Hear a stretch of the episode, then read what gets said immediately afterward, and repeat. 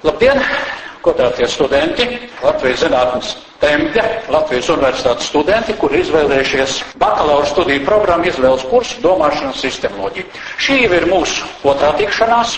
Pirmā tikšanās bija tieši pirms nedēļas. E, Šodien tātad studiju kursu domāšanas sistemoloģija visur saīsinājumos un raksta DS. E, Un šodien ir 21. gadsimta 14. gada septembra mēneša 9. datums. Tā ir mūsu šīs dienas tikšanās reize. Ko mēs izdarījām pagājušā reizē? Pagājušā reize saucās priekšvārds. Priekšvārds. E, Daudz īsāks pēcvārds būs tad, kad mēs e, klausīsimies prezentācijas janvārī, bet e, priekšvārdā galvenais uzdevums bija. Pirmkārt, manuprāt, man likās, ka jums vajadzēja gar acīm griezties, kā trapecei. Un proti šī te bildīte, proti tā tāda lauva un lauva uz trapeces. Pa lauvu es pastāstīju, drusciņi iepazīstinot ar Andru Onkuli, tātad ar jūsu šī studiju kursa, nu varētu teikt, scenārija autoru, satura autoru un arī pie reizes arī izpildītāju, režisoru. Redziet, pašlaik par operātoru piestrādāja arī un viss, kas kopā ņemts.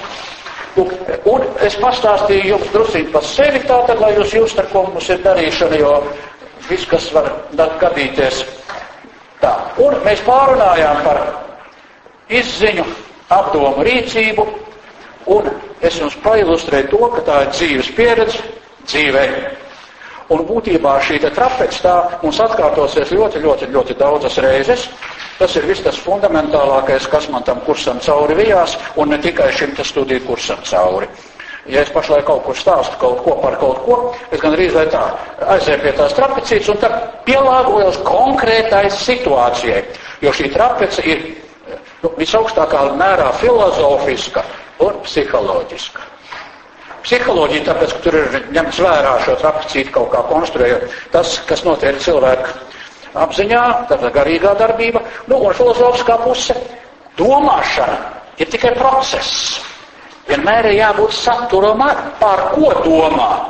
Un es jums piedāvāju, ka cik šeit ir tātad universitātes dažādas fakultātes, pārstāv studenti, Man jāpiedāvā tas, kas varētu būt kopīgs visiem.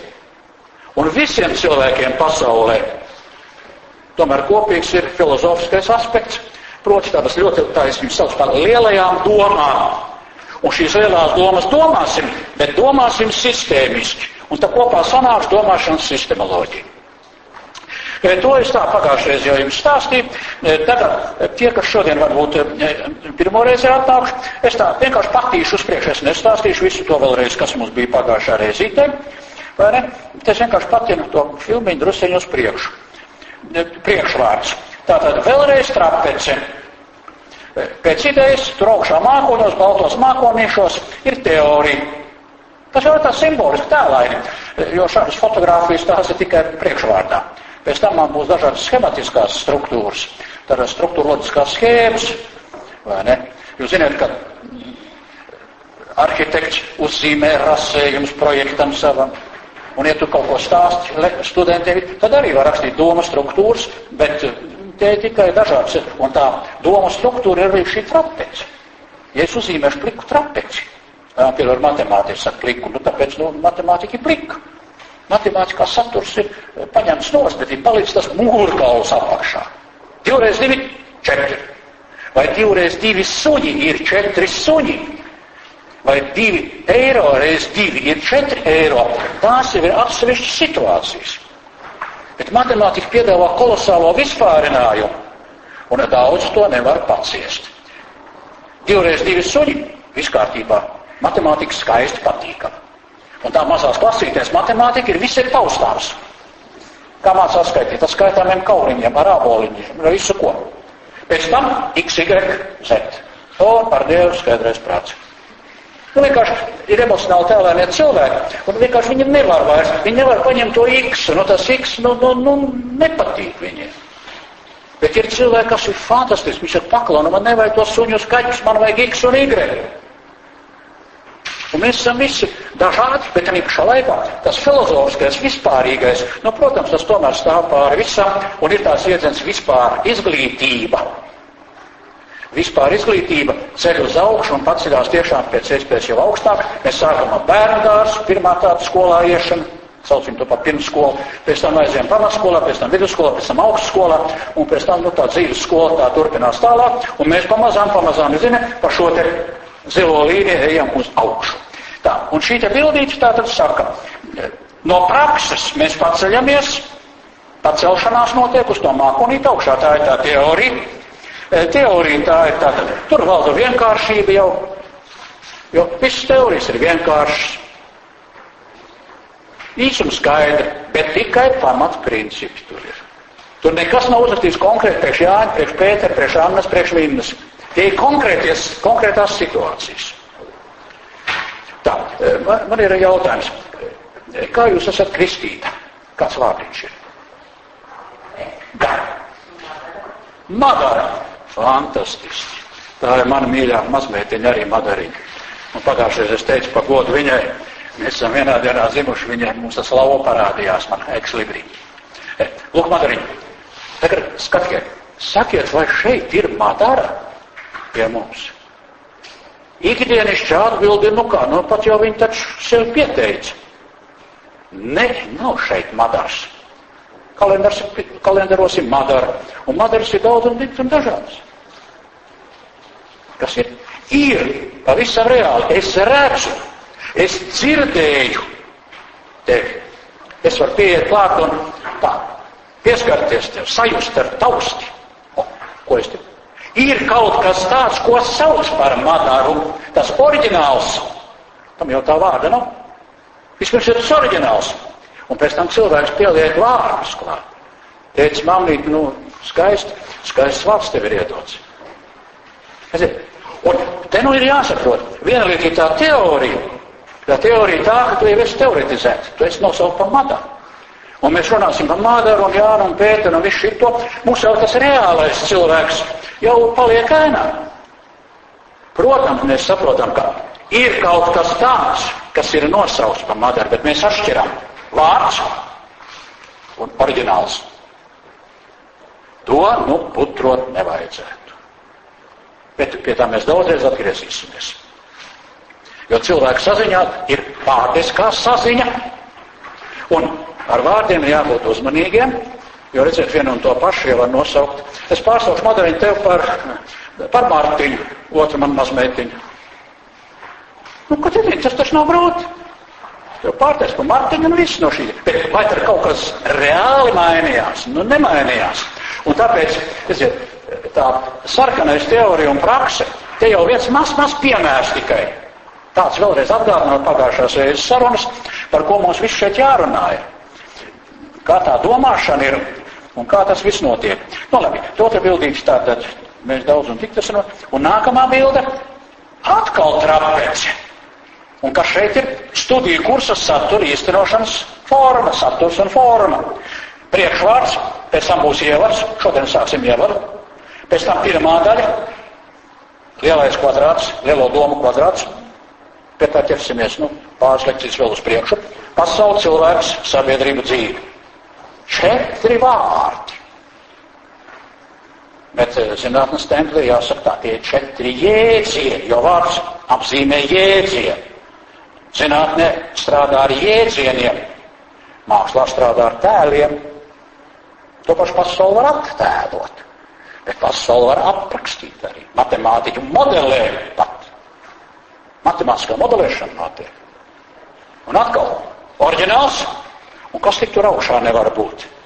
Zinātne, māksla, nu, un vēl trešais tips ir saimnieciskais cilvēks. Ir trīs tipi cilvēku šādi. Un kaut kāds mikstūrs arī. Un mēs esam kameleoni, teiksim, vienā situācijā mēs ar savu prātu izceļamies, nu, zinātniskums nāk. Pēc tam ir emocionāli tēlēnais, mākslinieckais arī Es jau puišiem saku, laikam, bieži esmu teicis, ja, tev, nu, ja tu esi ar meiteni, nu, nestāst viņai tās programmēšanas lietas, vai ne, un tur par Ņūtona likumiem. Nu, pastāst viņai kaut ko citu, kā saka, nu, jāatnes puķi. Nu, es esmu mīļš, jauks, labs, emocionāli tēlēns puisis. Nu, meitenes ir meitenes. Meitenes vairumā ir šeit, šī aspektā spēcīgs. Un, ja kaut ko kādreiz nevarat izrēķināt, pajautājiet meitenei. Viņa teiks, man ir tāda jušana, ka te, te, te nekas labs tev tur nebūs, nekas neiznāks. Puiši ieklausoties. Sievietes vairāk izjūt pasauli. Un bieži vien izjūtas viņu vārdu. Vairāk nekā puiši. Puiši grib visu pierādīt, aprēķināt, izrēķināt. Ne katreiz tas tā iznāk. Bet tās ir tikai mazas tādas ieskicēšanas, kā tas kā pasauli ir iekārtot. Un parunāsim par pasauli, par cilvēku, par sabiedrību un par e, dzīvi kā tādu. Tas mūs gaida pacelšanās daļā, redzēt. Pēc tam viena lekcija, viena lekcija, pēc tam es parādīšu kalendāro plānu, tas ir kaut kā, e, no, tikai viena lekcija teorija. Sistēma teorija, nu, uz trim, četrām lapspusītēm, kā reizē tabula. Salikts kopā pats pats galvenais.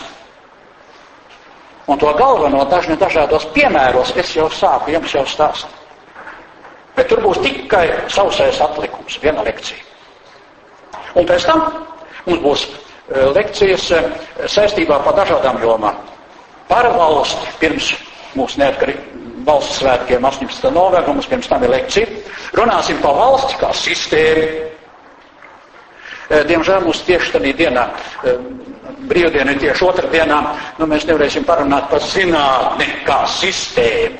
Bet es to runāšu ne īpaši par zinātni, tur viņai speciāla lekcija vēl to, bet visu laiku, nu jau par to būs runa. Tā kā, nu, tie svētki iekrīt taisni tādā dienā, nu, ko var darīt. Īpaša lekcija nebūs, bet neuztrausties, stāsts par to būs. Pēc tam parunāsim par, ko vēl? Izglītība kā sistēma. Personība kā sistēma. Personība, personība ir īpašība kopums, kas raksturo personu. Ja? Bet tas arī sistēmiski paskatāms. Personības attīstība. Un tie ir praktiskie. Tā ir mūsu studija kursa zaļā daļa. Nu, tas būs līdz Ziemassvētkiem. Lūk, un tāpēc tā ir viss tas, tā tāpēc ir arī studiju kursa organizācija šeit viss ir redzama. Pēc tam nobeigums un pēcvārds. Tā, ko mēs vēl pagājušreiz? Nelasīšu vēlreiz, atgādinu tikai atkal parādu savu jauko Haidparku vāverīti, man draudzenīti, kas bija tur, mēs tā jau pavadījām laiku Haidparkā, bija Londonā. Tad viņa saka, kursa sūtība un būtība. Vēlreiz atkārtoju, būsim tomēr uzmanīgi ar valodu. Jaunībā ir dažni dažādi vārdi, viss ne katreiz mēs tā vārdu nozīmi vēl izprotam, izjūtam, un, un mēs bārstam vārdus. Un saliekot kopā, redz, iznāk diezgan haotiski. Mēs penetrējam, implementējam, un ko tur viss tik nedarām tagad, vai ne? Nu, padomu laikos bija kurtka. Kas tur vēl bija? Samogons. Kaut kas tāds. Bet piedodiet, par šiem 20 gadiem mēs latviešu esam, es rupši teikšu, sačakarējuši daudz vairāk nekā padomu laikā. Tāpēc, lūdzu, lūdzu, man nevajag misiju un vīziju. Ja runāsiet angliski, bet lūdzu.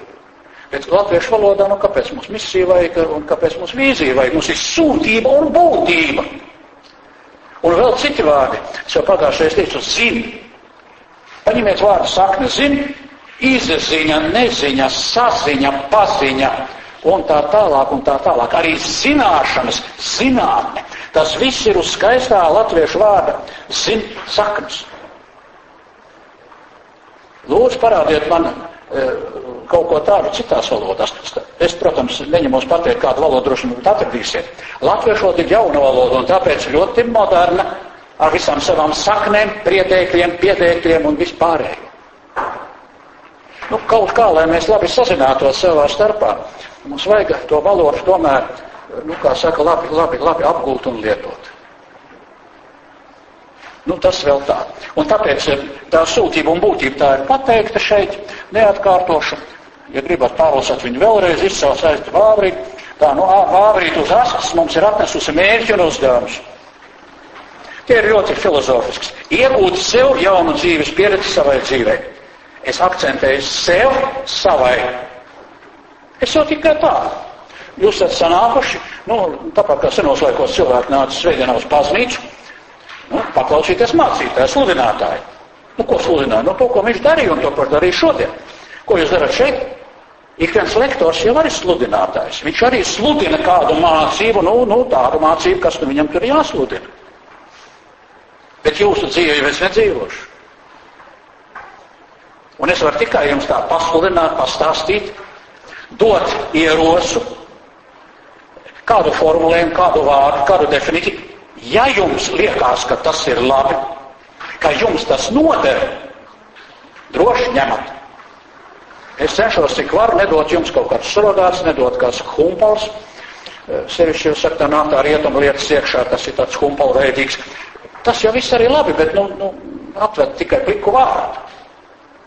Nu, kāpēc tas plikais vārds vajadzīgs? Mums vajag saprast, kā tas iet latviešu valodā. Es tikai tā, dzimtā valodā. Nu, redz, dzimtā valoda, kam latviešu valoda tas ir tā, otrs ir, kam dzimtā valoda būtu krievu. Nu, pamatā, kas ir līdz šim mums bijis vēl krievu valoda, nu, arī tur dzimtā valodā ar vajag, jo ar sevi jau cilvēks sarunājas dzimtā valodā, vismaz bērnībā. Un ja jūs tagad esat apgūši vāngļu valodu neslikti, nu, arī to pašu krievu valodu, kaut gan jaunā paudze tagad krievu valodu zaudē pamazām, tas nav labi jo valodas ir valodas. Bet, ja jūs sākat runāt angliski, tad netulkojiet sūtību un būtību. Bet jums ir jājūt, ko šie vārdi, atkal oriģināls jājūt ir. Un varbūt, ka tu teiksi, eh, ja tev jautās kāds sen Džonis vai ne, kāds tev, kāds tavs vārdiņš ir, tu teiksi, Anģēna. Latvijā to es madaru. Citi nezinu. Nu, Madara tas vēl ir izrunājums vārds daudz maz, bet arī jau diezgan pagrūti, vai arī angļu valodā, e, nu, visur ir savādāk. Tā, un tātad te visi patīk. Es jums novēlu jaunas zināšanas sev, jums, jums katram. Kaut ko uzzināt, izzināt, klausoties lekcijas, e, lasot visus tos materiālus, studējot šo kursu. Zināšanas, bet ne tikai. Attieksmes, veidojot attieksmes pret to varbūt, ko es tur stāstu un tā. Un galvenais veidot attieksmi pret šo sistēmiskumu kā tādu, ko es jums mēģinu atklāt. Kā domas rodās, kā domas sakārto. Un jūs teiksiet, ziniet ko, tā tā ir vērtīga. Vērtīga, tas nozīmē attieksmi pozitīva, augstākā mērā. Bet eh, tās būs jūsu attieksmes. Tā kā es zinām mērā to palīdz jums to attieksmi arī veidot. Jo tas ir kaut kas ļoti, ļoti vērtīgs, ko es nu, cenšos stāstīt. Tā, un pēc tam ir prasmes. Liekiet lietā to, ko jūs šeit, šajā studiju kursā gūstat. Un atkal, es nevaru jums parādīt, un kaut kur seminārs mums būs parādījuši atsauksmes no citiem kursiem iepriekšējiem. Šis ir sastais gads šim kursam universitātē. Pirms tam tur ir daudz gadu iepriekš citās augstas skolās ieskaitot to pašu skolu, redziet. Un, un tur ir uh, atziņa. Es pamēģināju un iet tā lieta. Un man beigās arī apskaidrojās, pašam sakārtojās, aizies sakārtojās. Nu, kāpēc tā apgūt domas sakārtošanu? Taču tā, lai tu varētu varbūt pats ar tās domas labāk kārtot. Un tāpēc tās ir prasmes. Nu, lūk, tas uz tās astītes bija vāverītei. E, tālāk ir komentāri par sūtību un būtību. To es tagad jums esmu jau pateicis. Viss tas tās krāsas te ir, redziet, teorija sarkana, praksa brūna apakšā. To es te neiešu dzesēt. Tas viss ir skaidrs jau. Tā, šeit vēlreiz atkārtojās tā kā drusciņ tā kursa struktūra. Pirmā daļa, otrā daļa, trešā daļa. To jūs arī apmēram zinat. E, varu tikai drusciņ patinot to bildīt atpakaļ. No kurienes tā bilde? Tās ir kurš kāps. Kaut kā patīk uzlikt kaut kādu tekstiņu kaut kur virsū tādā mīļā vietā, kur es esmu bijis un tā. Nu, kurš kāps? Nu, ilgais ceļš kāpās vai ne? Nu, šis te ilgais ceļš jums būs līdz, līdz janvārim. Šis studiju kurs. Nu, ilgais ceļš kāpās. Priekš jums. nu, tas tā. Šie ir mākslinieckie momenti, tie ir tēlēni, visādi joki.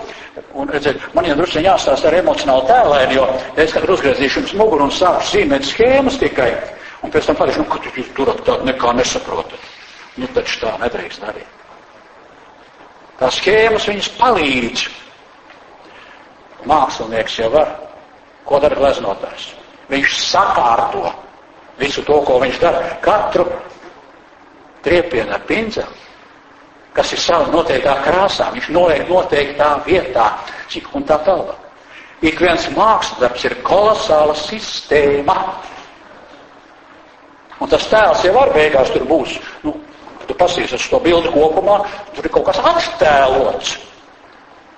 Diemžēl mums arī zinātniskās grāmatās arī saka, nu, angļu valodā gan ir figure, bet latviešu valodā atstēri. Nu, mīļie cilvēki, nu, fizikas grāmatās, piemēram, schēmas, tie nav atstēri. Tie ir zīmējumi, schēmas. Atstēls ir tur, kur tēls kaut kāds ir. Vai nu zaķīts, kaķīts pa pasakām ilustrācijas vai ne. Nu, tie ir tādi tipa zīmējumi, atstēri. Nu, labi, neiesim detaļās, neiesim detaļās. Es tikai pievērst uzmanību tai valodiņai. Ja? Tā, komentāri par struktūru. Ievads, zilā daļa, sarkanā daļa, zaļā daļa, viss ir uzrakstīts. Un, redziet, pagājušā reizē mūsu lekcija, kad nobeidzās, te ir tā pacelšanās. Te viss iepriekšējās reizes, šī ir sastā reize, mēs sākam pacelšanos. Nu, tā ir tā zilā pacelšanās. Bet eh, pirms pacelšanās vēl būs ievads. Un tagad pielikumi. Nu, šitas pirmais vai pēdējais pielikums. Eh, te vienkārši eh, tāds es arī es arī bijis mazs puika, vai ne, savai mamītei un tētim. Un te pirms gada, tā kā mani noemeritēja, nu tad tur bija puķis un vispārējais, tagad man daži mati vēl klāti baltāk nekā tanī bildē. Un paskatieties, šeit ir dzīve. Pirmā bērnība. Mazais zaķis nāk, viņš izzina pasauli. Es pagājušajā jautāju, kurš ir uzlicis roku uz pānas pirkstu, roku, ne, nu pirkstu. Daži bija. Ļoti vērtīga dzīves pieredze. Vēl kaut kas, vēl kaut kas. Tā ir ieziņa. Un bērniņam nedrīkst atņemt šo te laiku. Nevar viņu vest uzreiz uz modeļu, modeļu skolu vai mācīt eh, par dziedātāju vai no mazus bērniņus uz skatuves likt. Nu, tā ir bērnības atņemšana. Bērnībā ir bērnība. Pēc tam nāk pirmā jaunība, tas ir apdomas laiks. Jo ejot tā uz augšu, arī mēs izējām šo te pašu ciklu. Ieziņa, tad ir apdoma. Mīļie draugi, jūs esat visi pirmajā jaunībā. Es jūs apsveicu. No kura laika? Nu kā kurš? Daži jau tādā bērnībā līdz vecumam nodzīvo. Bet no, normāli tā mēs ejam un ejam jaunībā. Es saku tā, ja tu esi ienācis vidusskolā, tā ir jaunība. Agrīnā jaunība. Nu, jūs esat bišķiņ jau tālāk jaunība. Līdz 40 gadiem apmērā. Apmērā. Līdz 40 gadiem divi galvenie uzdevumi. Darbs, profesija un ģimene. Piedodiet, tas ir Andronkovičs skatījumā. Es zinu, ka pasaulē ir citi viedokļi par to, lai tā būtu, bet eh, tie, kas paši sev ar savu atbildi skaidrībā. Eh, Drusciņi sanākos laikos, vēl kāds simts gadu atpakaļ, es domāju, ka ik viens mācītājs arī sludināja no kancels to pašu. Pa ģimeni, pa darbu. Cits vārds lietoja. Bet eh, mūsdienu pasauli, kur parādās virtuālā pasaule arī vēl visāds ēmības, un kaut kur esot melnie caurumi, pelēkā viela un kas tur viss bet nu, man tā liekas, es novēlu jums, lai būtu jaunības laikā. Apgūstat profesiju, lai darbs būtu un mājas līdz ar to un vispārējais, un lai mums izveidotos ļoti jauks foršs ģimenes. Un ģimene, tas ir vīrietis, sieviete, un 1, 2, 3, 4, 5, cik gribat un vēlties un varat, mazie zaģīši. Zilie cilvēki visu cieņu. Tā ir īpaša īpaš cilvēku grupa, vai ne tās ir problēmas. Diemžēl daudzi zilie ir krāsoti zilie, viņi nemaz nav zili pēc būtības, bet nu vajag kaut kā sev apliecināt, un citur visur kaut kas pietrūks, nu te viņi, kā saka, atbrauc sevišķi uz Latviju, vai ne, un tad iet uz vērmanīt un staigā puspliku un demonstrē, kā saka, māc tiem bauriem, kā vajag dzīvot. Nu, atkal, esiet vienkārši uzmanīgi, bet lēmumu pieņemiet paši kurš būs zils, kurš zaļš, kurš kāds visādi un tā tālāk. Bet dabas māte jau ir, nu, dabas māte dara savu, un viss notiek. Un tas maziņais tur ir vajadzīgs, un tad ir tā ir tā ģimene. Par to arī runāsim vēlreiz kaut kur atsevišķi, man liekas, pašās kursa jau lekcija beigās. Un tad ir briedums. Mēs uznākam briedumā, briedums ir zaļš, nu tad ir zaļa dzīve. Kas ir? Darbs ir, alga laba, interesants darbs. Bērniņi ir, jā, forši. Kuram sieviņš, kuram vīriņš. Viss, nu, forši. Tas ir briedums. Bet izbriedumam ir jāpaceļas. Nebūs tā, ka skaties tikai svini jubilejas vai nekrogos un beigās skaties. Un, ziniet, es esmu sastaps situāciju, ka skolas absolventu salidojumā, nu, tur viss sanāk kopā un aprunājas, cik tev kas kur kā. Un viens, nu, vīrs jau, kā saka, brieduma gados, nu, sāk raudāt. Nu, kas paliek? Viņam bērnis ir ārā stāv. Bagāts. Viss kas. Viņš saka, man nav ģimenes. Kāpēc nav? Nu, neiesim atkal detaļās. Es neesmu te psihoterapeits ģimenes pašlaik, bet šito te. Tas viss pieder pie kopsaistībām. Un tas, kā cilvēki tāpat dzīvi iet cauri, kā sakārtojās, viss, viss ir savā laikā, tomēr jādara. Nu, višķiņi agrāk, višķiņi vēlāk, bet, nu, ja tas beigās nav izdarījies, nu, ko darīt? Nu, ar no pasaules gals jau nav. Pasaules gals nekad nebūs. Pasaulē gals nav. Cilvēkam konkrētam gals nāk, vai ne? Lūk, pēc tam nāk otrā jaunība. Pastieties Andropuls, kāda laime, 72 gadu onkulim ir. Pēc 60 līdz 80 gadiem tā ir otrā jaunība. Manā skatījumā. Ļoti forši. Tas vairs nav tik daudz apdomu, cik pārdomu laiks. Un No 80 gadiem sākās otrā bērnība. Dodiet viņš izdzīvot, lai viss motors strādā, visi filtri cilvēkam strādā, muskulatūra arī, kā saka, vēl pietiekami stipra. Ja? Nu, diemžēl fiziski bieži vien cilvēks neiztur. Garīgi varbūt varētu vēl vai ne, bet nu, fiziski neiztur. Nu, ir visādas situācijas. Lūk, kāda izskatās tā dzīve cilvēku mūža pasaules procesa ritumā. Un šeit jau ir rodama sakārtotība. Pa 20 gadiem, 100 gadi, es sadalu apmēram pa 20. Un katrā tādā laika posmā, nu tad, nu, it kā prasītos, ko tu darīt. Šito es arī jums nestāstīšu, nelasīšu, ja gribat izlasīt paši. Es esmu valkā piedzimis Valmērā skolu, pabeidz Valmēras puika, Valmēras stāvie, krasti gauja. Nu, viss tas, kas tur ir Valmērā. Un pēc tam no 60. gada es jau teicu, šajā auditorijā klausījos fizikas lekcijas, es iestājos Vizmatu fakultātē. Un Līdz šai baltai dienai es joprojām strādāju, nu tagad es esmu emeritēts, tātad es esmu tā kā, nu neesmu štata cilvēks, es esmu ārštat, jau profesors, eh, bet eh, tās te manas zimtās mājas, kurās es tik tiešām vienmēr ar baldu nāku, un ne ar to, ka tagad fizmata, protams, ir pārdaugavā prom tur citur, sevišķi auditorijā, ko es sēdēju un klausījos fizikas lekcijas, nu ir tā, nu īpatnēji būt, nu un redzēt tas tā tomēr tā patīkami, un redzēt, šādus jaukus ļaudis, kas ir atkal šeit klāt un klausās. Nāk maiņa. Tā, tas bija tas, ko mēs izdarījām pagājušā reizē. Nu, es tur beigās to visu izstāstīju, to savu biogrāfiju, viss tas jau nav tas svarīgākais. Un tagad paskatīsimies nākamo. Manuprāt, man vajadzētu jums uzlikt Tātad informācija, kursa apraksts, plāns, metodiskie norādījumi. Un tad parunāsim tiešām par šī te kursa, kursa tiem tehniskajām lietām. Bet arī nepārāk detaļās ieejot, detaļās neieejot, bet nu tā. Tad pirmais semestrs. Tad Jūs visi paskatījāties arī druskuļi kursu aprakstu jau nu, pirms tam, eh, kad izvērējāties. Nu, daži, kā saka, varbūt saņēma kaut kādu reklāmu no iepriekšējā gada. Tā vai citādi. Eh, šeit ir, tas viss ir arī tur, tādā universitātes informācijas lapā, kas mums tur ir.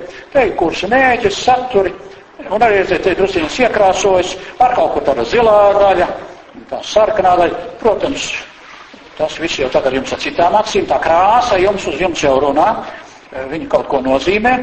Tā, un te ir prasības, prasības, va, va, va. Nu, tomēr, redziet, tas ir studiju kursa, un ko te prasības mums saka? Prasības studiju kursa rezultātu vērtējuma ieguvēja. Kas nāk kā brīvklausītājs, bet lūdzu, es jau jums teicu. Man nāk lūdzu klausieties, ja jums interesē. Te. Ienākt kādreiz, nāk, nāk, tāpat tās visi tie materiāli, kas būs pieejami, nu, kaut kur visur internetā, nu, nezinu, tas ir priekš visiem cilvēkiem, nu, kas par to interesējās. Bet, lai iegūtu to vērtējumu, tos divus kredītpunktus, Nu, ziniet, vismaz divi, trīs no šiem 50 studentiem ir tādi, kuriem vajag šos punktus. Un Štroms, kas tas pa kursu, ko tur runā un ko tur dara. Es nezinu tagad, kurš tas ir. Bet nu, katru gadu vienmēr tā ir, kad, nu, kā zobs sāks, nu, vajag tos divus kredītu punktus. Bet piedošana, nu, tam tā jābūt. Nu, viens, viens, divi šādi cilvēki noteikti ir. Un visu cieņu viņi tādi ir, un viņi savus kredītpunktus arī dabūs, ja viņi izdarīs šo te minimālo. Bet jūs iet uz maksimālo klapi. Iegūt sev maksimālo labumu. Redziet, ko Vāvrīts teica. Sev, sev, savai dzīvei.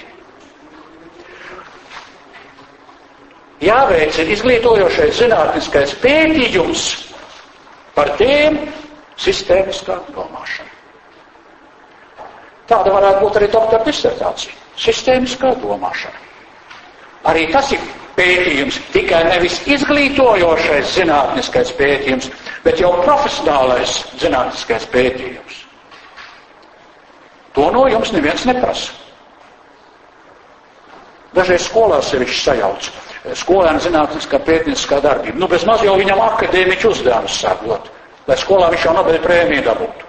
Nu, nevajag tur. Tā ir izglītojošā zinātniskā pētniecība. Tie ir atklājumi, ko ik viens no mums izdara priekš sevis. Man tas ir jauns kaut kas. Es pats aiziet mājā, uzrakstat sev diplomu, uzrakstat sev Nobel prēmiju, pasniedzat sev šo prēmiju. Jo jums tas ir atklājums. Nu, kāpēc iezudrīt Oma likumu? Nu, bišķiņi vajadzētu iezudrīt saprast, kas ir strāva. Ja plūs strāva, tad ir spriegums un sakarības starp šiem diviem lielumiem. Lineārā sakarība proporcionalitāte. Nu, vai tad ir jāiezubrī tas likums? Paņem reku volpetu, paņem tur ampermetru, aiziet, nu, kaut kur tur pat mājas apstākļos ar vienkāršiem, nu, atklāja sev šo sakarību. Nu, matemātiski noskaidro, kā tā funkcija tur būs, vai ne? Lineāri, nelineāri.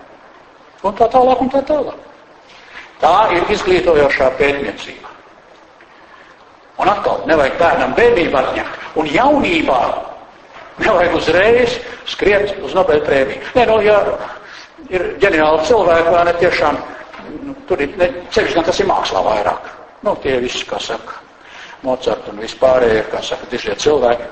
Bet zinātnē tur tā bišķiņ, kā saka, tik strauji priekš neiet, jo zinātne iet tālāk no tās vietas, kur jau iepriekšējā paudze ir sasniegusi. Un tad bišķiņ vajag tā sev atklāt vēlreiz it kā to, ko citis jau sen zina. Datorikā es skatos, ka zēns šeit daudz ir. Nu, tur gan dažreiz ir jāprogrammē kaut kas tāds, kas, nu, piedošana, neviens vēl nav uzprogrammējis to.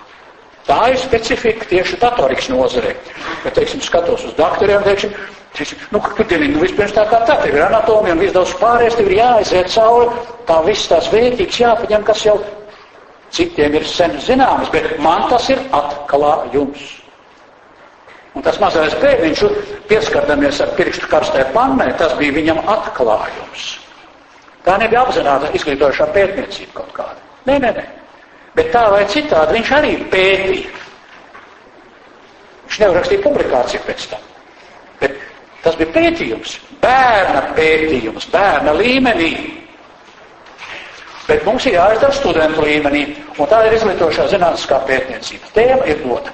Tā. Un jāuztais beigās pārskats. Šeit tas viss sīkāk ir uzrakstīts. Tā, bet šeit ir jums parādīts pašlaik Kas tas te nu ir? Piedodiet, šī bilda augšā tā ir nobīdīta, tur kaut kas ir noticis pārējot no dots uz dociks, bet eh, uz šīs te bildes, ko jūs arī redzat, vai jūs no pēdējās rindas redzat šo te bildi labi? Diezgan labi, jā. Nu, tad jau labi, jums jau jauns, skaists atsiņas, gudrs. Tā, te ir uh, kurs īstenojuma plānojums. Pirmā, otrā, trešā lekcija, otrais, devītais, zilā daļa.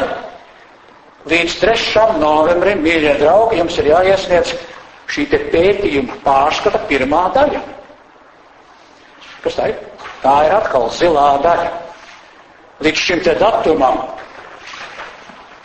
diena te pirms 3. novembrī ir deadline, Nu, es arī redzu, ka esmu moderns. Es saku latviešu, ka tā ir pēdējā iesniegšanas dienas, pasaku deadline, kā angliski, jā.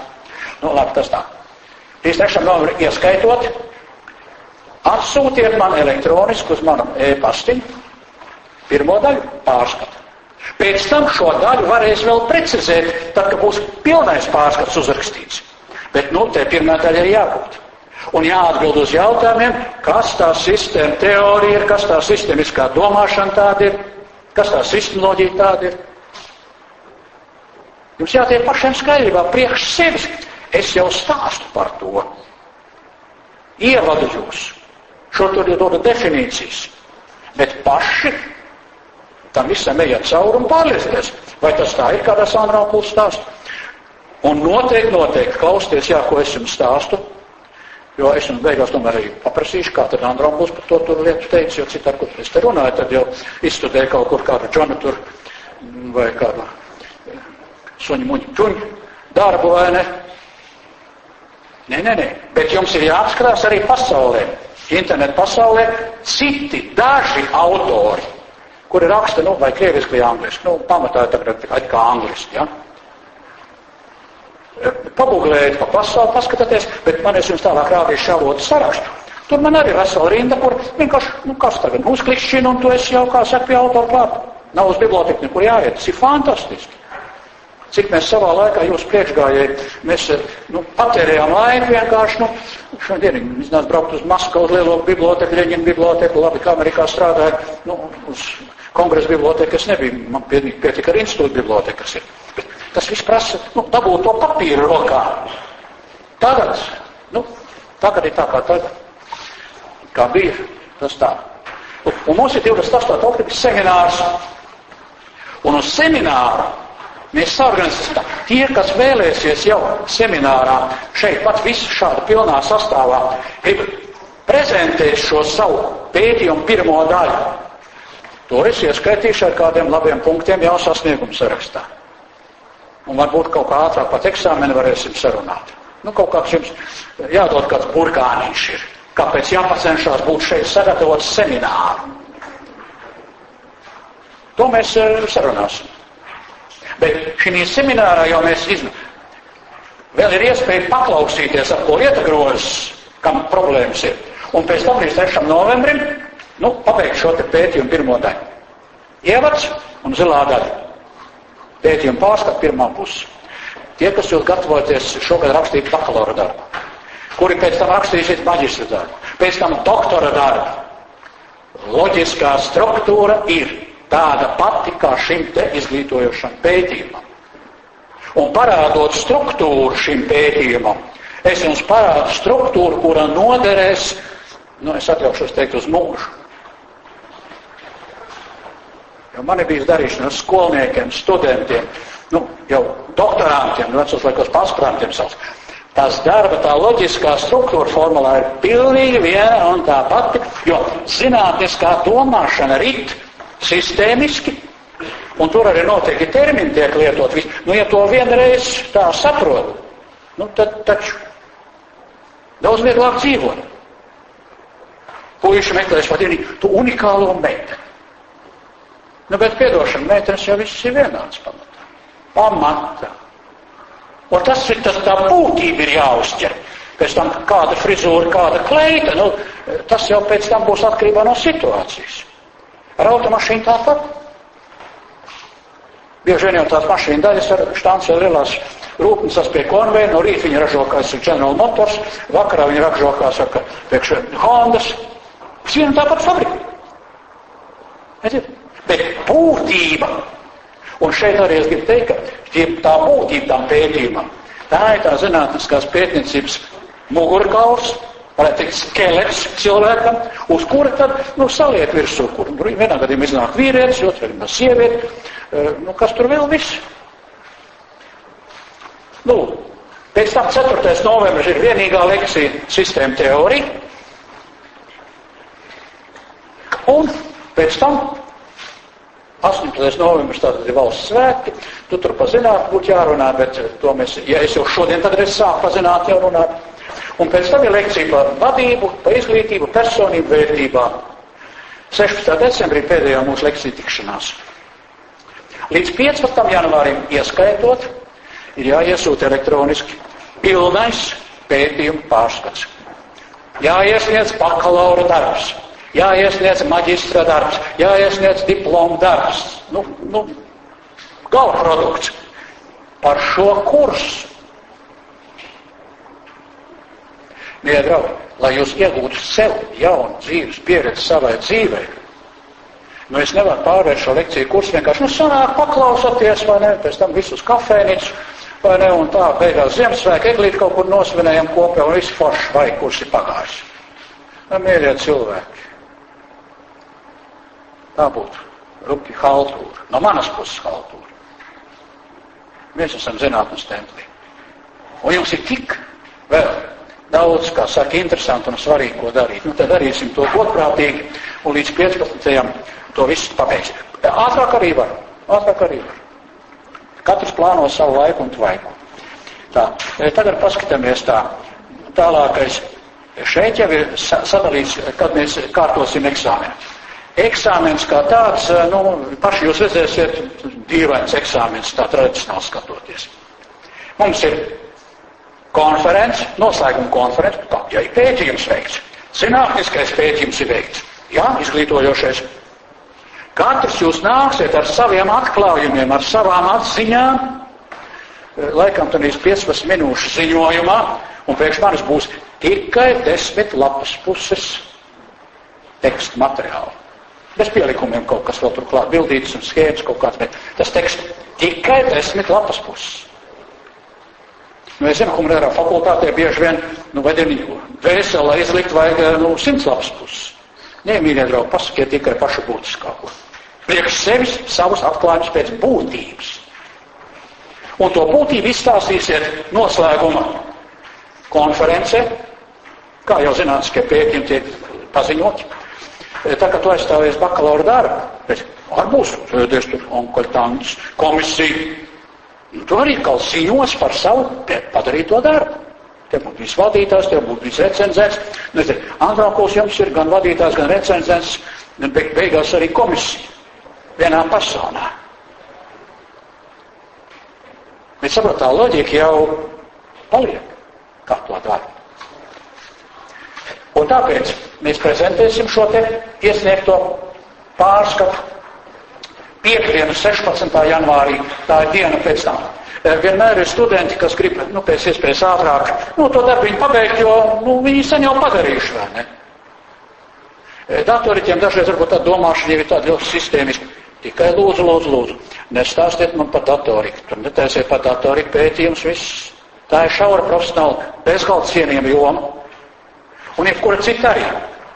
Bet paskatieties drusku plašāk. Datoriķiem noteikti vajadzētu iznākt ārā no datorsistēmām un nonākt pie citām sistēmām. Bet sistēmiskums neapšaubām būs visur, kur citur. Man bija šeit eh, no socioloģijas jomas par nu, kaut kur ar ļoti šaurs profesionāls referāts. Man bija aizdoms, ka tas referāts tika iesniegts arī kādā citā kursā. Nu tā, dubults neplīst. Nemeziet, nu es kas, ko visu neesmu redzējis. Šeit bija dekāna vietnieks, ar studentiem esmu strādājis visu mūžu. Nu, students ir students. Bet, nu, tas nav darbs priekš sevis redzēt. Ja jums ir problēmas kāds, viss atnāk ar, aprunāsimies zem četrām nacīm, viss, kā saka, es sapratīšu visu, ko, labi, kurš jums tos divus kredītpunktus dabūsiet, desmit gan nedabūsiet. Bet, nu, 4, 5, 6 kaut kur tik daudz jau nu jūs varētu izvilkt. Bet piedošana tas ir tikai super izņēmums. Es tā pēc acīm tagad skatos, nu piedošana šeit nav neviens, neviens šāda tipa eh, klausītājs, tā kā viss būs vislabākā kārtībā. Bet, nu, tā drusciņā jāpasaka tas ir. Tātad, tie būs tie pirmie. No 14. līdz 17. desmit studenti. Ja gribiet, veidojiet jau partiju. Kur ir šie desmit? Tā nav man darīšana. Jūs paši pierakstīsieties desmit šeit, otrā grupa atkal desmit studenti uz 22. no 9 līdz 12. un pēc tam no 14 līdz 17. 10, 20, 30. 40, 50, 60, 70. Pagājušajā gadā bija 70 studenti. Nu, es tā apmēram tās dienas. Un te ir, protams, vēl rezervīte, ceturtdiena, te vēl ir piekdiena. Un ja jums būs pašiem kāda ideja, priekšlikums, piedošana, mēs taču varam sarunāt. Tikai, nu, saprat, es nevaru ar katru 70, ar 7 studentiem, ar katru, nu, tā, dvēseliski izrunāties.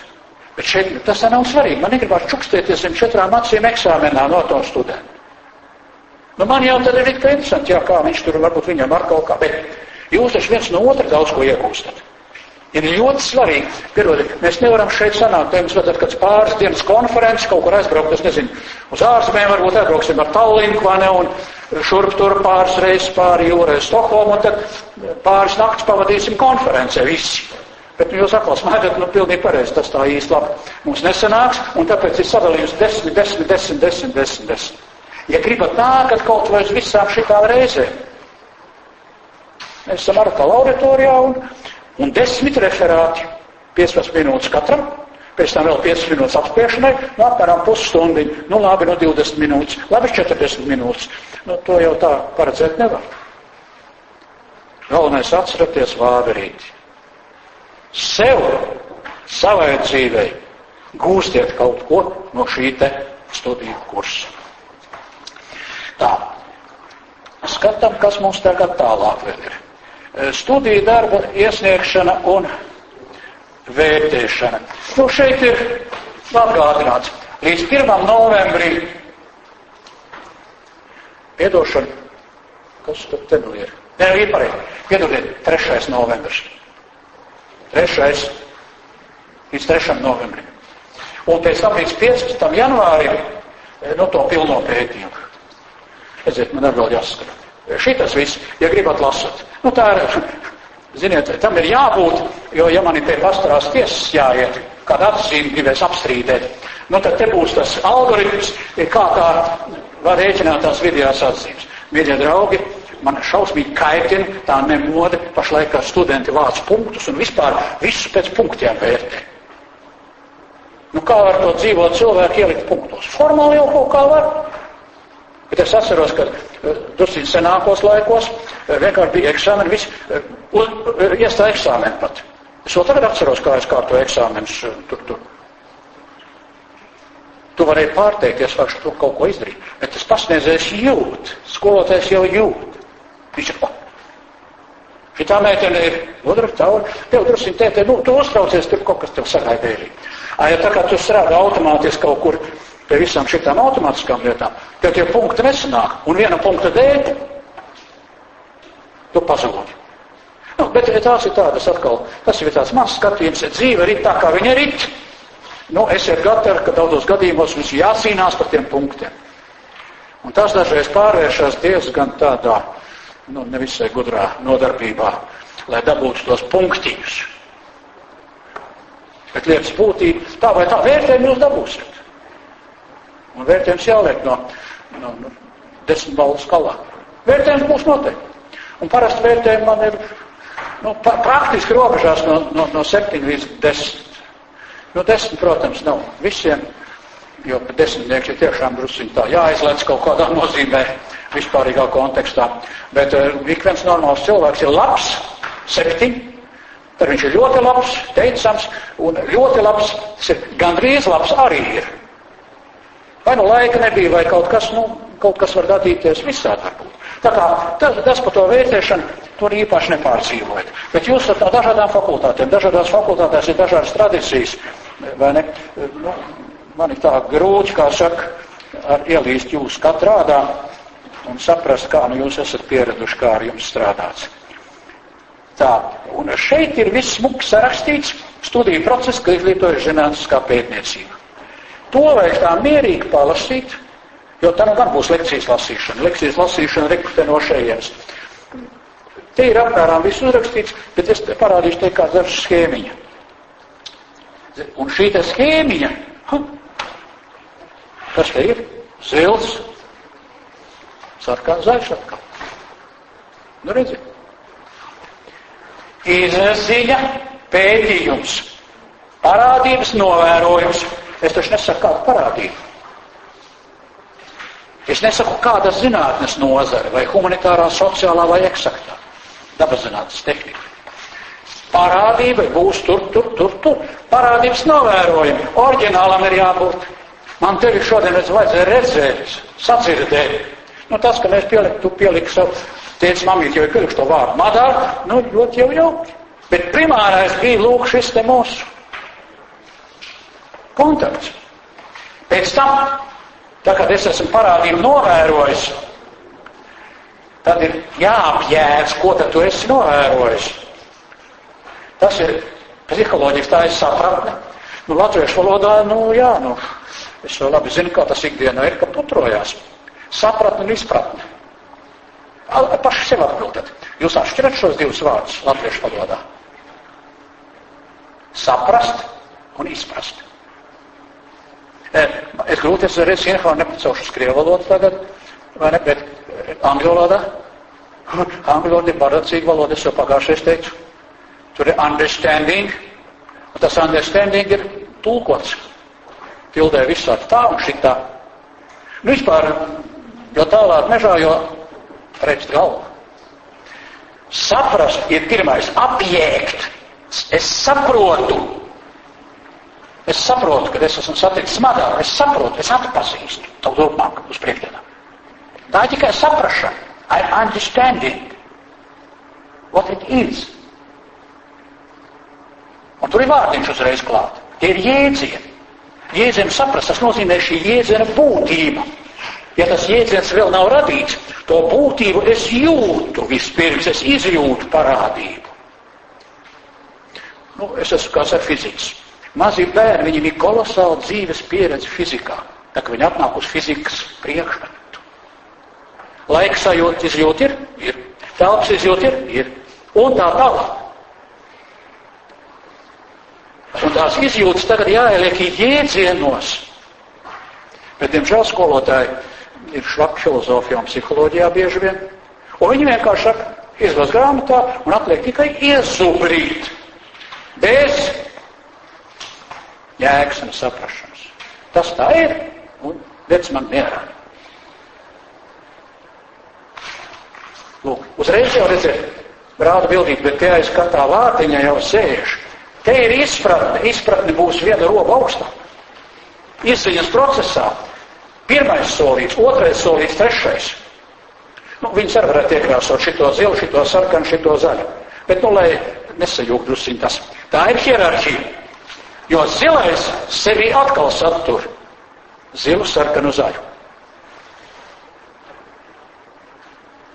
Nu, redziet, blokskēmas un viss tās sazarotās padarīšanas, kas ir programmētājiem, nu, tur cita varianti jau tā nav. Tur uzreiz viss ir skaists, kas tur ir, kā tas ir. Humanitārās fakultātes sevišķi ir mākslinieckais skatījums.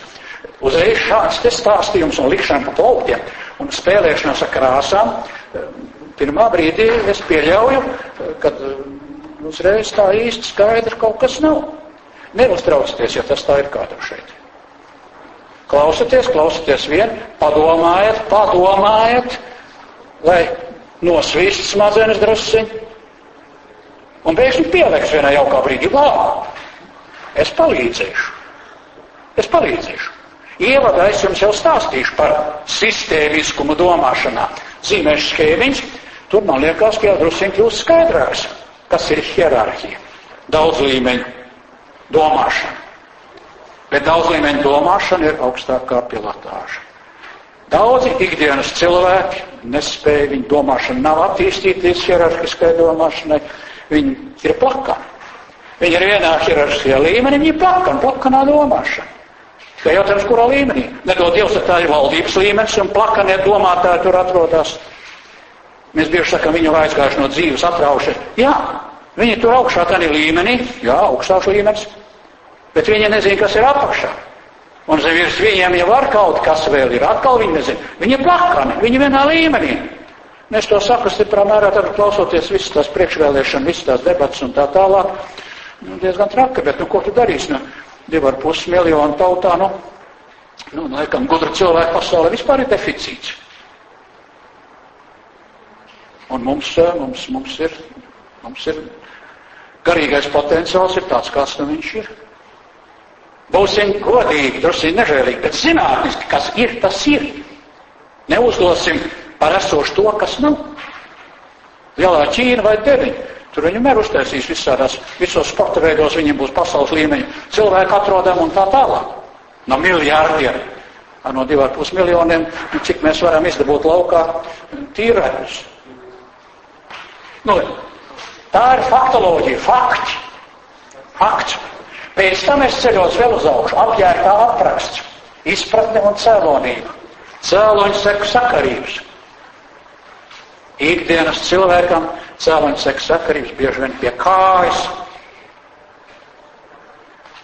Tas tā ir, tā ir, tā ir, kur var dabūt kas kā, ja? Bet kāpēc tas tā ir?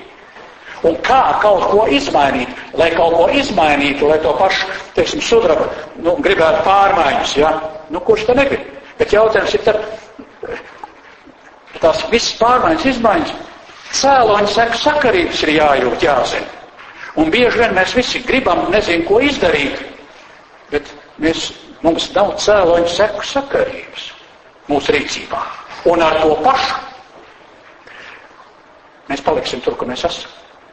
Tikai, ja mēs esam atklājuši cēloņu seku sakarības, tās ir kopsaistības, sistēmiskums atkal.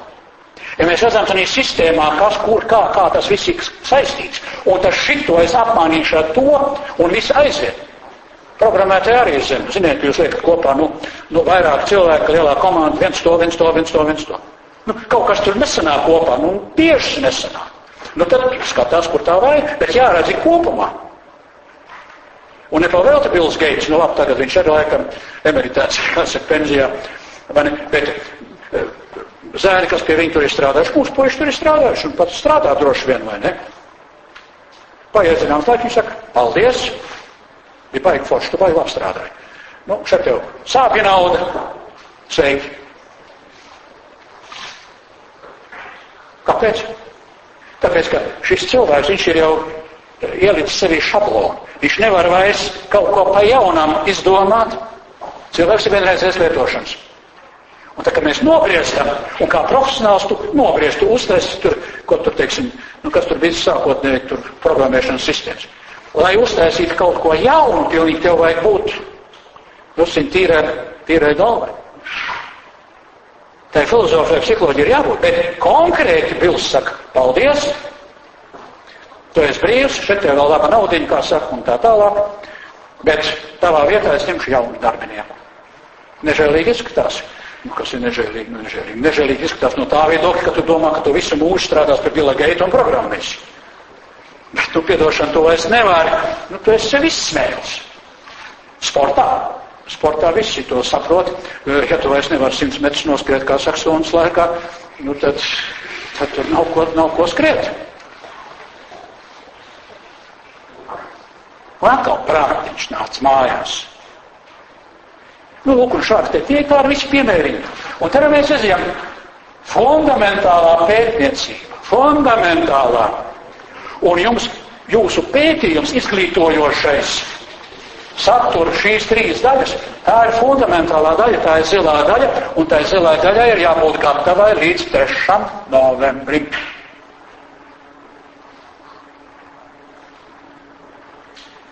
Un pēc tam to fundamentālo, bet pēc tam taču iesim tālāk. Tad tā viena lekcija būs pēc tā, nu, ka jūs darbus iesniegsiet. Tad es vēl ar savokšu visu to, ko es tagad stāstu.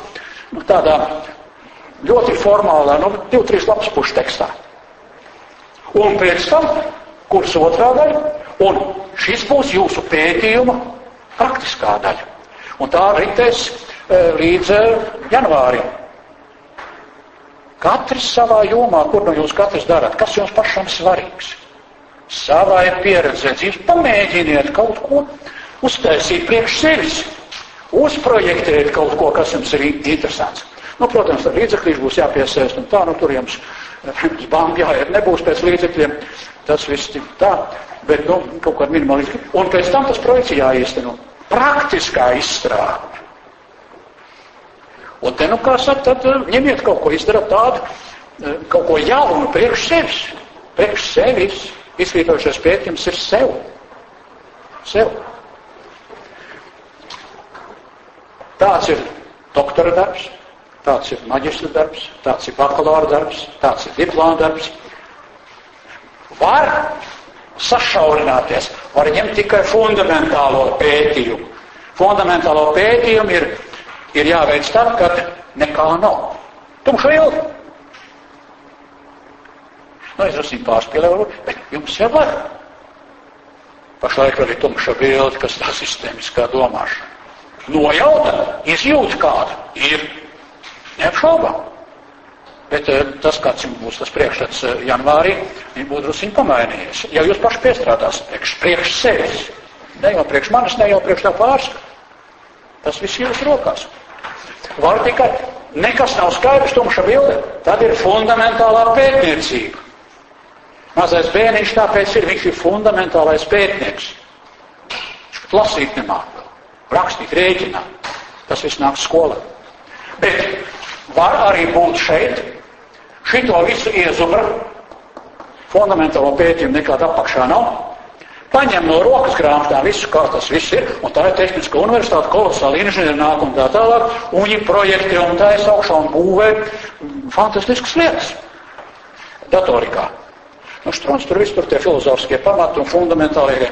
Jums īsi kompakti, jūs cienījumie pasniedzēji profesori, kas šeit ir, viņi izstāsta to fundamentālismu tā teoriju, un jums ir zelta galvas rokas, jūs atkal to visu taisat kaut ko praktiski augšā.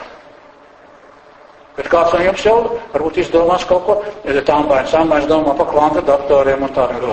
Ah, tas ir fundamentāls pētījums. Tur vēl pateikt, nu, vai tad uztaisīsim jaunu, jaunu kvantu datoru tur līdz pavasarī. Tad, tad, tad laikam bišķi tā kā. Ne? Nu, viens, viens, viens piemērs. Piedodiet, cienījamie kolēģi no citām fakultātēm, nu, tā es tā tādu piemēru paņemu, bet nu, kurš nav dzirdējis tagad par mūsu tiem jauniem foršiem zēniem? Ir tas fundamentālais pētījums. Un jebkurā citā zinātnē tāpat. Tas pats ir bioloģija, ķīmija, nu visās. Kad tu ķeries pie tā, kur Tas sabiedrībā vispār ir tumša bilde, kas tas ir. Tas ir fundamentāls pētījums. Hipotēzes, hipotēzes neizvirst tur. Uzdod jautājumu, kas tas ir? Nebūs Nobel prēmija. Iztaisīs visu šito. Novēlos, apstāstīs, cēlonis seksatrības ir. Pēc tam nāks inženieri, kas visu to liks lietā. Un bieži ir fundamentālie zinātnieki un lietišķie, lietišķie pētījumi, lietišķā zinātne. Un tas jebkurā nu jomā. Mākslas zinātnes, sociālā zinātnes, dabas zinātnes, visur kur. Jo šī ir ābece, pētniecības ābece.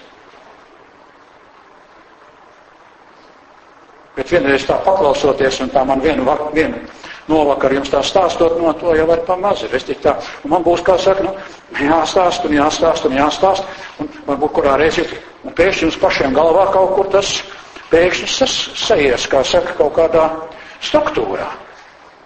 Bet lūdzu, lūdzu, kaut ko dariet arī paši, palasiet, paskatiet, vai vienkārši padomājiet. Jauks laiks, kaut kur eit pastaigāties, Tur gan jā, puisis un meitene iestaigā, un ja jums tie kā saka, īpaši gribās šīs lietas pārunāt, tad dariet to. Bet ja jums tur cilvēciski instinkts strādā, kā saka, vai ne tāds, tad jau tad, tad labāk par tādām vietām nerunāt. Tā, nu re. Šeit tālāk šī schēmiņā, te ir tas paskaidrojums arī pierakstīts klāt. Un atkal, zilā daļa zaļā daļa, nu tā apdoma, kas ir tur īsti. Vispirms tiek izpētīt, noskaidrot sistēmiskās domāšanas būtību. Lūk, tas attiecās uz jums līdz 3. novembrim. Protams, mēs varam šodien es jums iedošu kontroli, kas ir sistēmiskā domāšana. Viss. Vēl ir 15 minūtes, lūdzu, liekt uz papīra.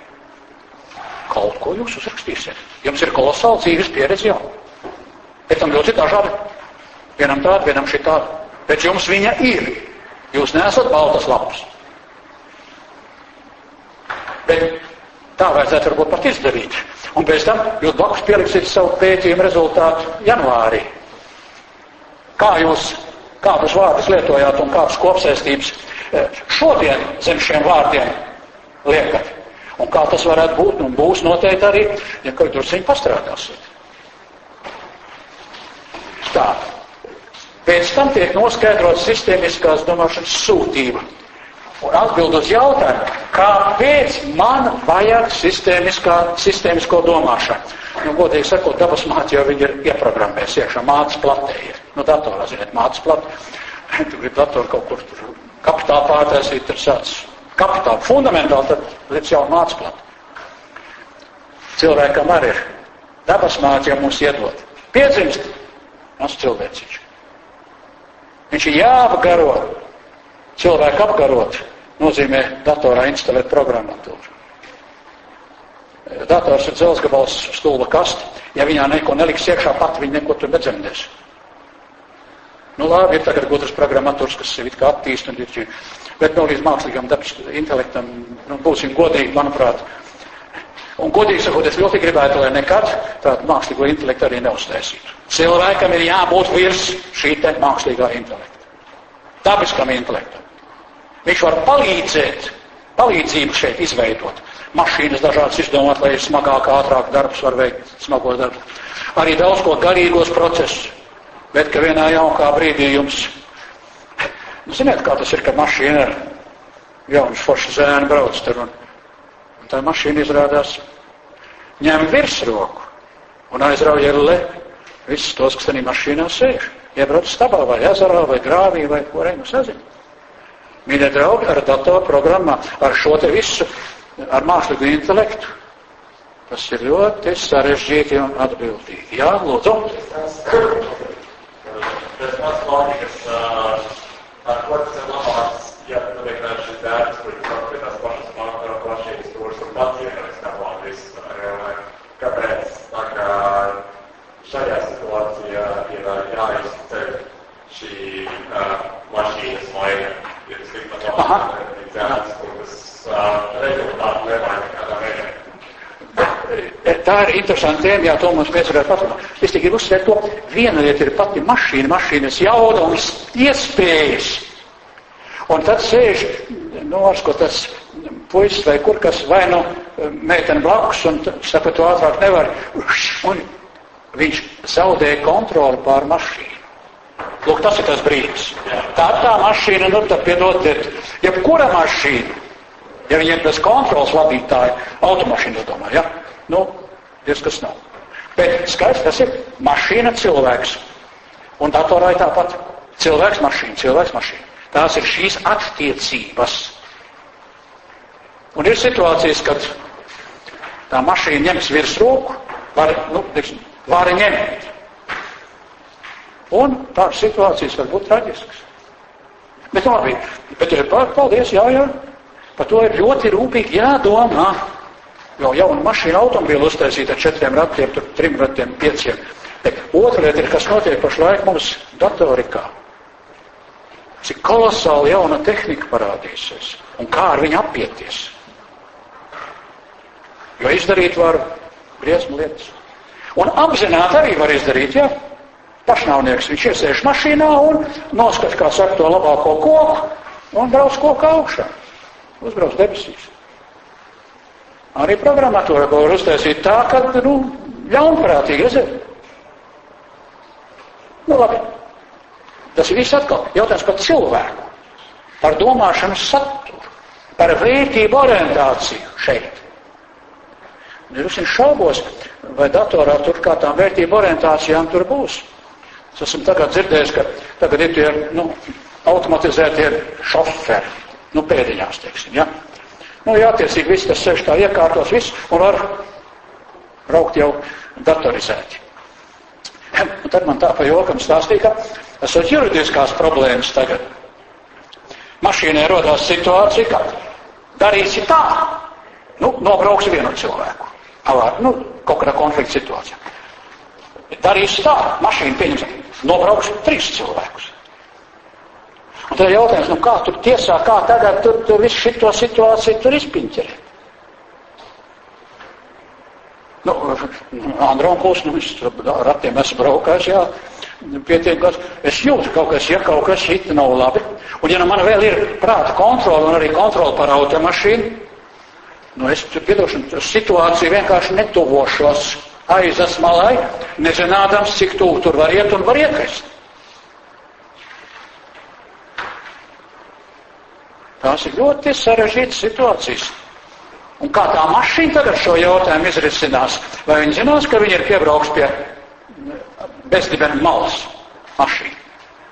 Nu, viņai jābūt atkal programmatūriski visā citādi. Viņam ir jāizjūt, ka tur ir pašlaik katastrofa draudu. Vai tā mašīna jutīs to? Es vispār esmu jūtis dīvaini vārdi. Mašīna jutīs, mašīna izdomās, jušana doma un vispār ir jāatstāj cilvēkam. Tā bleķa kaste, kā saka, cik ģeniāli viņa nebūtu, viņai jābūt tomēr attiecīgai kastei, kas kalpo cilvēka labā. Labā un nevis sliktā. Tā. Nu, re. Tā. Paskatāmies tālāk studiju, studiju kursa, tātad īstenojumam beigās ir nepieciešams patstāvīgi un radoši veikt izglītošā pētījuma pārskats, veiktā pētījuma pārskats jāuztais, desmit lapas puses nevairāk. Grūts uzdevums. Zinu, ļoti grūts. Vieglāk ir uzrakstīt simts nekā, nekā desmit. Bet tā ir paliek tā tā būtība. Veiktā pētījuma pārskats prezentācija. Ne, tā prezentācija arī vajadzīga. Atnāc Andram kuļu vietā, nu un pastāst, ko tu esi izpētījis. Ko tu esi noskatos? Kādu fundamentālas atziņas priekš sevis tu esi ieguvis? Un ko tu esi tagad pamēģinājis jau izmantot šīs jauniegūtās atziņas kaut kur, nu, savā brīvi izvēlētā jomā? Vai nu jūsu studiju jomā, vai ārpus, vai, vai dienītētī, visur kur. Man interesē tikai tas sistēmiskums, lai būtu. Jo tas ir tas, ko dabas māte mums ir iedavusi ģenētiski. Un tas ir jāizkopj. Var neizkopt. Var neizkopt. Un tā mēs paliekam. Nu, tur ikdienas līmenī vai ne, nu tā, eksistenciālisti, prasti. Ēdam, dzeram, izkaujamies, seks no rīta līdz vakaram, līdz dzīvonim. Nu, kas vēl? Nu, ikdiena. Baigi forši. Tā, nu re. Un kas mums tagad vēl tālāk iet, lai mēs tiktu galā? Un pabeigtu pētījumu pārskats. Tur ir uzrakstīts viss par to pārskatu, kam tur ir tur redzēts zilā daļa, zaļā daļa noteikti, pārskata struktūra, bakalaura darba struktūra, maģistra darba struktūra, doktora darba struktūra. Mīļie draugi, tas viss tur ir te iekšā. Nu, tev jāsaka, ka tur ir, vai nu ticat vai neticat uz vārdu, bet es to ar saku ar to acīm, ka es skatos atpakaļ tagad un redzu, šo te reizrēķinu, kas jums tiek piedāvāts. Bet man liekas tā, ka jūs nāksiet manā vietā, nu, pirms tam vēl normāls profesors, pēc tam tik tur kaut kāds emeritēts, vai, tad jūs arī teiksiet, jā. Tā tas laikam tiešām ir. Pašlaik man drusciņi saka, nu tā, vai jūs man nu ticat, uzticaties, vai kā, nu, to lemjat paši.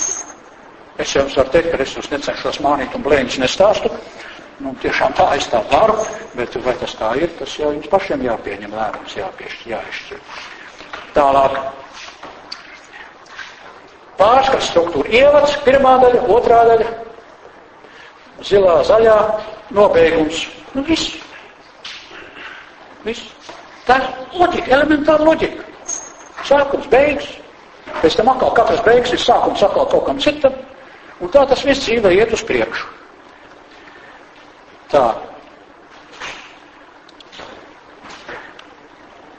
Tā, kas tad mums vēl šeit ir?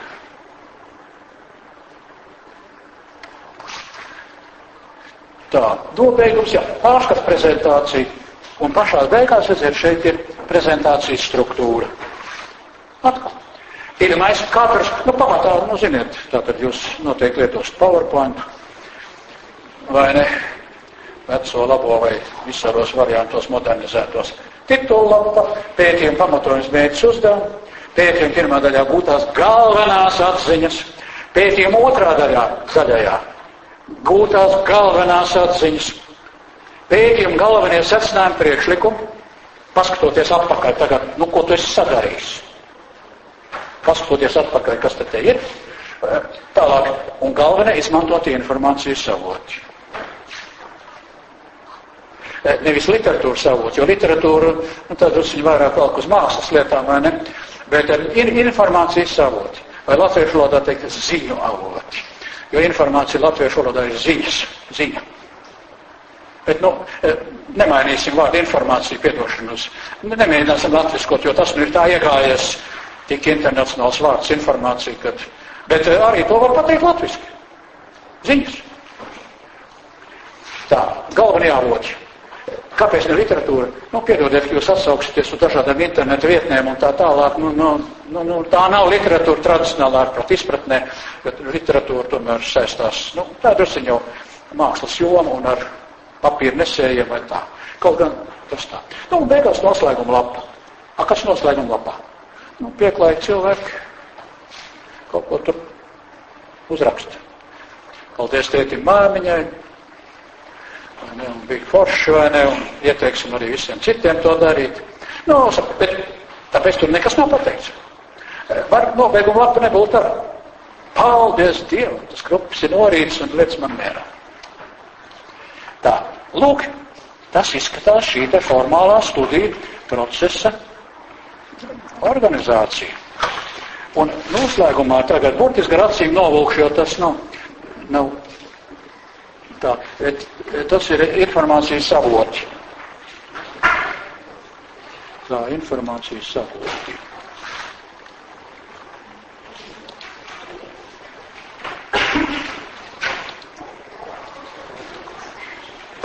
Tā, domāšanas sistemoloģija, pamatliteratūra.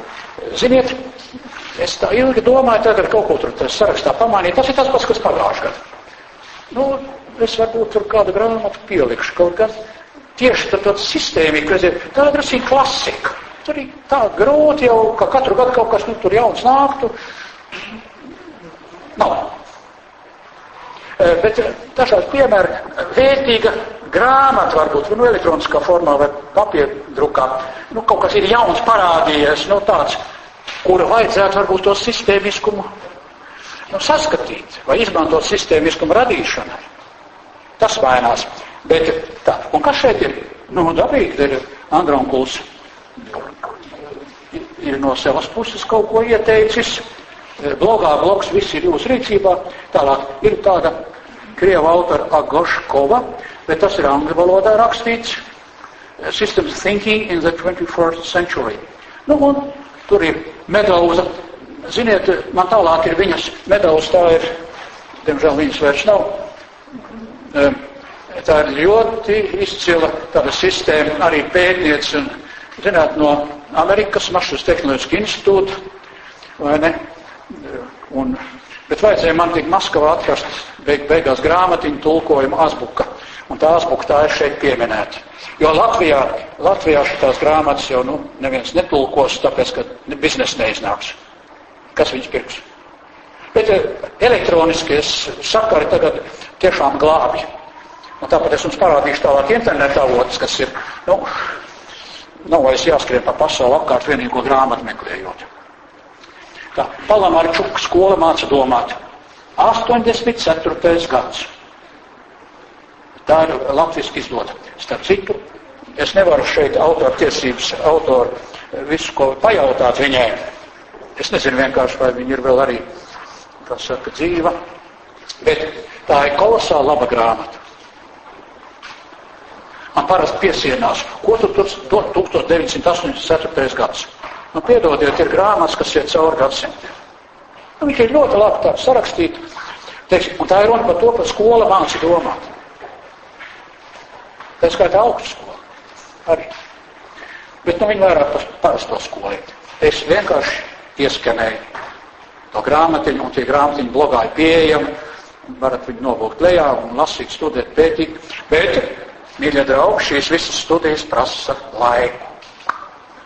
Ļoti labi saprot. Jums ir pamatstudijas, tur, kur jums viņš ir. Šis ir izvēles studiju kurs. Nu, laiks ir tikai tik, cik ir. Laiks ir jau demokrātiski iedos 24 stundas diennaktī visiem. Bet kā jūs to sadalāt, lai jums labi veicās? Un es nebūtu nedomāju, ka jums ir jāskatē tikai domāšanas sistemoloģija. Tālāk, tālāk ir autors Vilbers, ir grāmatiņas agrāk, es, man šeit laikam uzrādīt angļu arī, Jumava, cepuri nost Jumavai, desmitā gadā izdota. Tā ir sistēma teorija, sistēmiskā domāšana, he, bet nelietojot šo, šos vārdus, terminoloģiju. Ļoti interesanti. Un vēl ir ļoti daudz cilvēku, kas raksta faktiski par sistēmiskumu, bet nelieto šos vārdus. Un tāpēc, teiksim, jaunam cilvēkam, ka par vienu un to pašu, teiksim, par vienu un to pašu meiteni, draudzene raksta, tad vēl draudzene un puisis, un tas vienu un tā pašu meiteni, bet vienu un to pašu apraksta dažādi. Pavisam prasti būs, ka viens rakstīs ķīniešu valodā to stāstu, otrs rakstīs latviešu valodā. Zīmes citas. Bet valoda nozīmē arī drusciņ bieži vien kā to skatījumu kādu. Un tāpēc skatoties visus tos avotus, kas ir un grāmatas, tur autors nāk līdzi. Nu, bono tas ir jau modes lieta tagad, cepurinost, cepurinost, ļoti dišs vīrs, ko tur palsīgi, un, tas, un tie, tās grāmatas ir tulkotas. Tie arī Kānemans, vai ne, Tur Davidovs tas palika tikai krievu valodā gan, bet, nu, varbūt, ja kādam interesē. Tā, papildu literatūra, nu, te viss tas ir vienkārši uzrakstīts. Tā papildu literatūra, tur man vēl šādi tādi, tad tur vēl ir pareiz domāšana, Fišers, nošu šito vienkārši skata. Bet pašās beigās es gribu pievērst uzmanību noslēgumu sekundēs. Interneta vietas. Lūk, ja jūs šito novūksiet sev datorā, būs tāpat visi zilie, klikšķi virsū, tagad es te varētu rakāt, bet, nu, taupīsim atkal laiku, kaut man te jau ātri nostrādātu, bet ejiet paši skatīt. Nu, šeit ir rū, tad tas būs krievu valodā, bet te tālāk ir arī angļu valodā materiāli. Tā redziet, system thinking System Thinking, System Thinking, dažādi angļu autori, lasāmie materiāli, un šeit ir video lekcijas. E, nu, jūs esat daudz arī jau tā staigājuši, daudz vairāk par mani, par to virtuālo telpu, un skatījušies YouTube visu, ko tik tur nevar dabūt. Vispār tā ir fantastika. Un es arī tur, es pirmoreiz redzēju, tad es video lekcijās tos cienījumos vīrus, Nu, sejā. Ziniet, viņi, mēs esam vienaudži. Tur tāds jauns zēns praktiski nav, ne, neatrod. Par šo tēmu. Tur ir sēņa, tur nu, bet tie visi veči. Večinas brīnumainā kārtā ļoti maz. Ļoti maz. Dajana nedaudz, lūk, tā bija diša, diša meitene. Un kā panelēm es biju tieši tanīs gados, kad viņa arī tur plauka. Mašas tehnoloģiskā institūtā. Nu, es, protams, gāju uz lekcijām visādām tur tādām ne fizikālām pat arī, bet, nu, iznāca ar viņu nesatikos. Tagad, vai, kā gribētos, nu, ka viņi parunāties, vai ne, kad tā sistēma teorijas viss ir, es pats izgājis tam cauri, bet viņi jau tur ar to nodarbojas, profesionāli. Un nelēma tā, ka viņu neņēma pierē. Institūts ļoti respektabls, Viņi uzrakstīja padomus Romas klubam. Un šodien ir skaidri redzams, ka prāta balss netika izdzirdēta, jo biznesa ir biznesa, peļņa ir peļņa, un tik uz priekšu. Sokrāts arī viņš bija vajadzīgs tik ilgi, kamēr viņš kalpoja varenājam. Tad, kad viņš vareno sāk traucēt, tad Sokrāta novāca. Nu, es nesaukšu visus citus senos cilvēkus arī tur, ieskaitot Aleksandru Lielo vai ne, kuram Aristoteles bija mājaskolotājs. Un viss tā pasaule ir ļoti, ļoti interesanta, nu, arī traģiska, dīvaina un tā tālāk. Lūk, un te ir tātad viss tie avoti iekšā, un jums ir tagad iedots arī šis praktiskais, praktiskā ceļamaize, priekšvārdu noslēdzot Pie ievada ķeramies nākamā reizē, bet priekšvārds šeit ir. Bet visi šitie te materiāli tie tātad, tie visi jūs, jūsu rīcībā. Liels paldies par šodienu. Es atvados no sava video ierakstītāja, es esmu arī operators. un tiekamies nākamā reizē.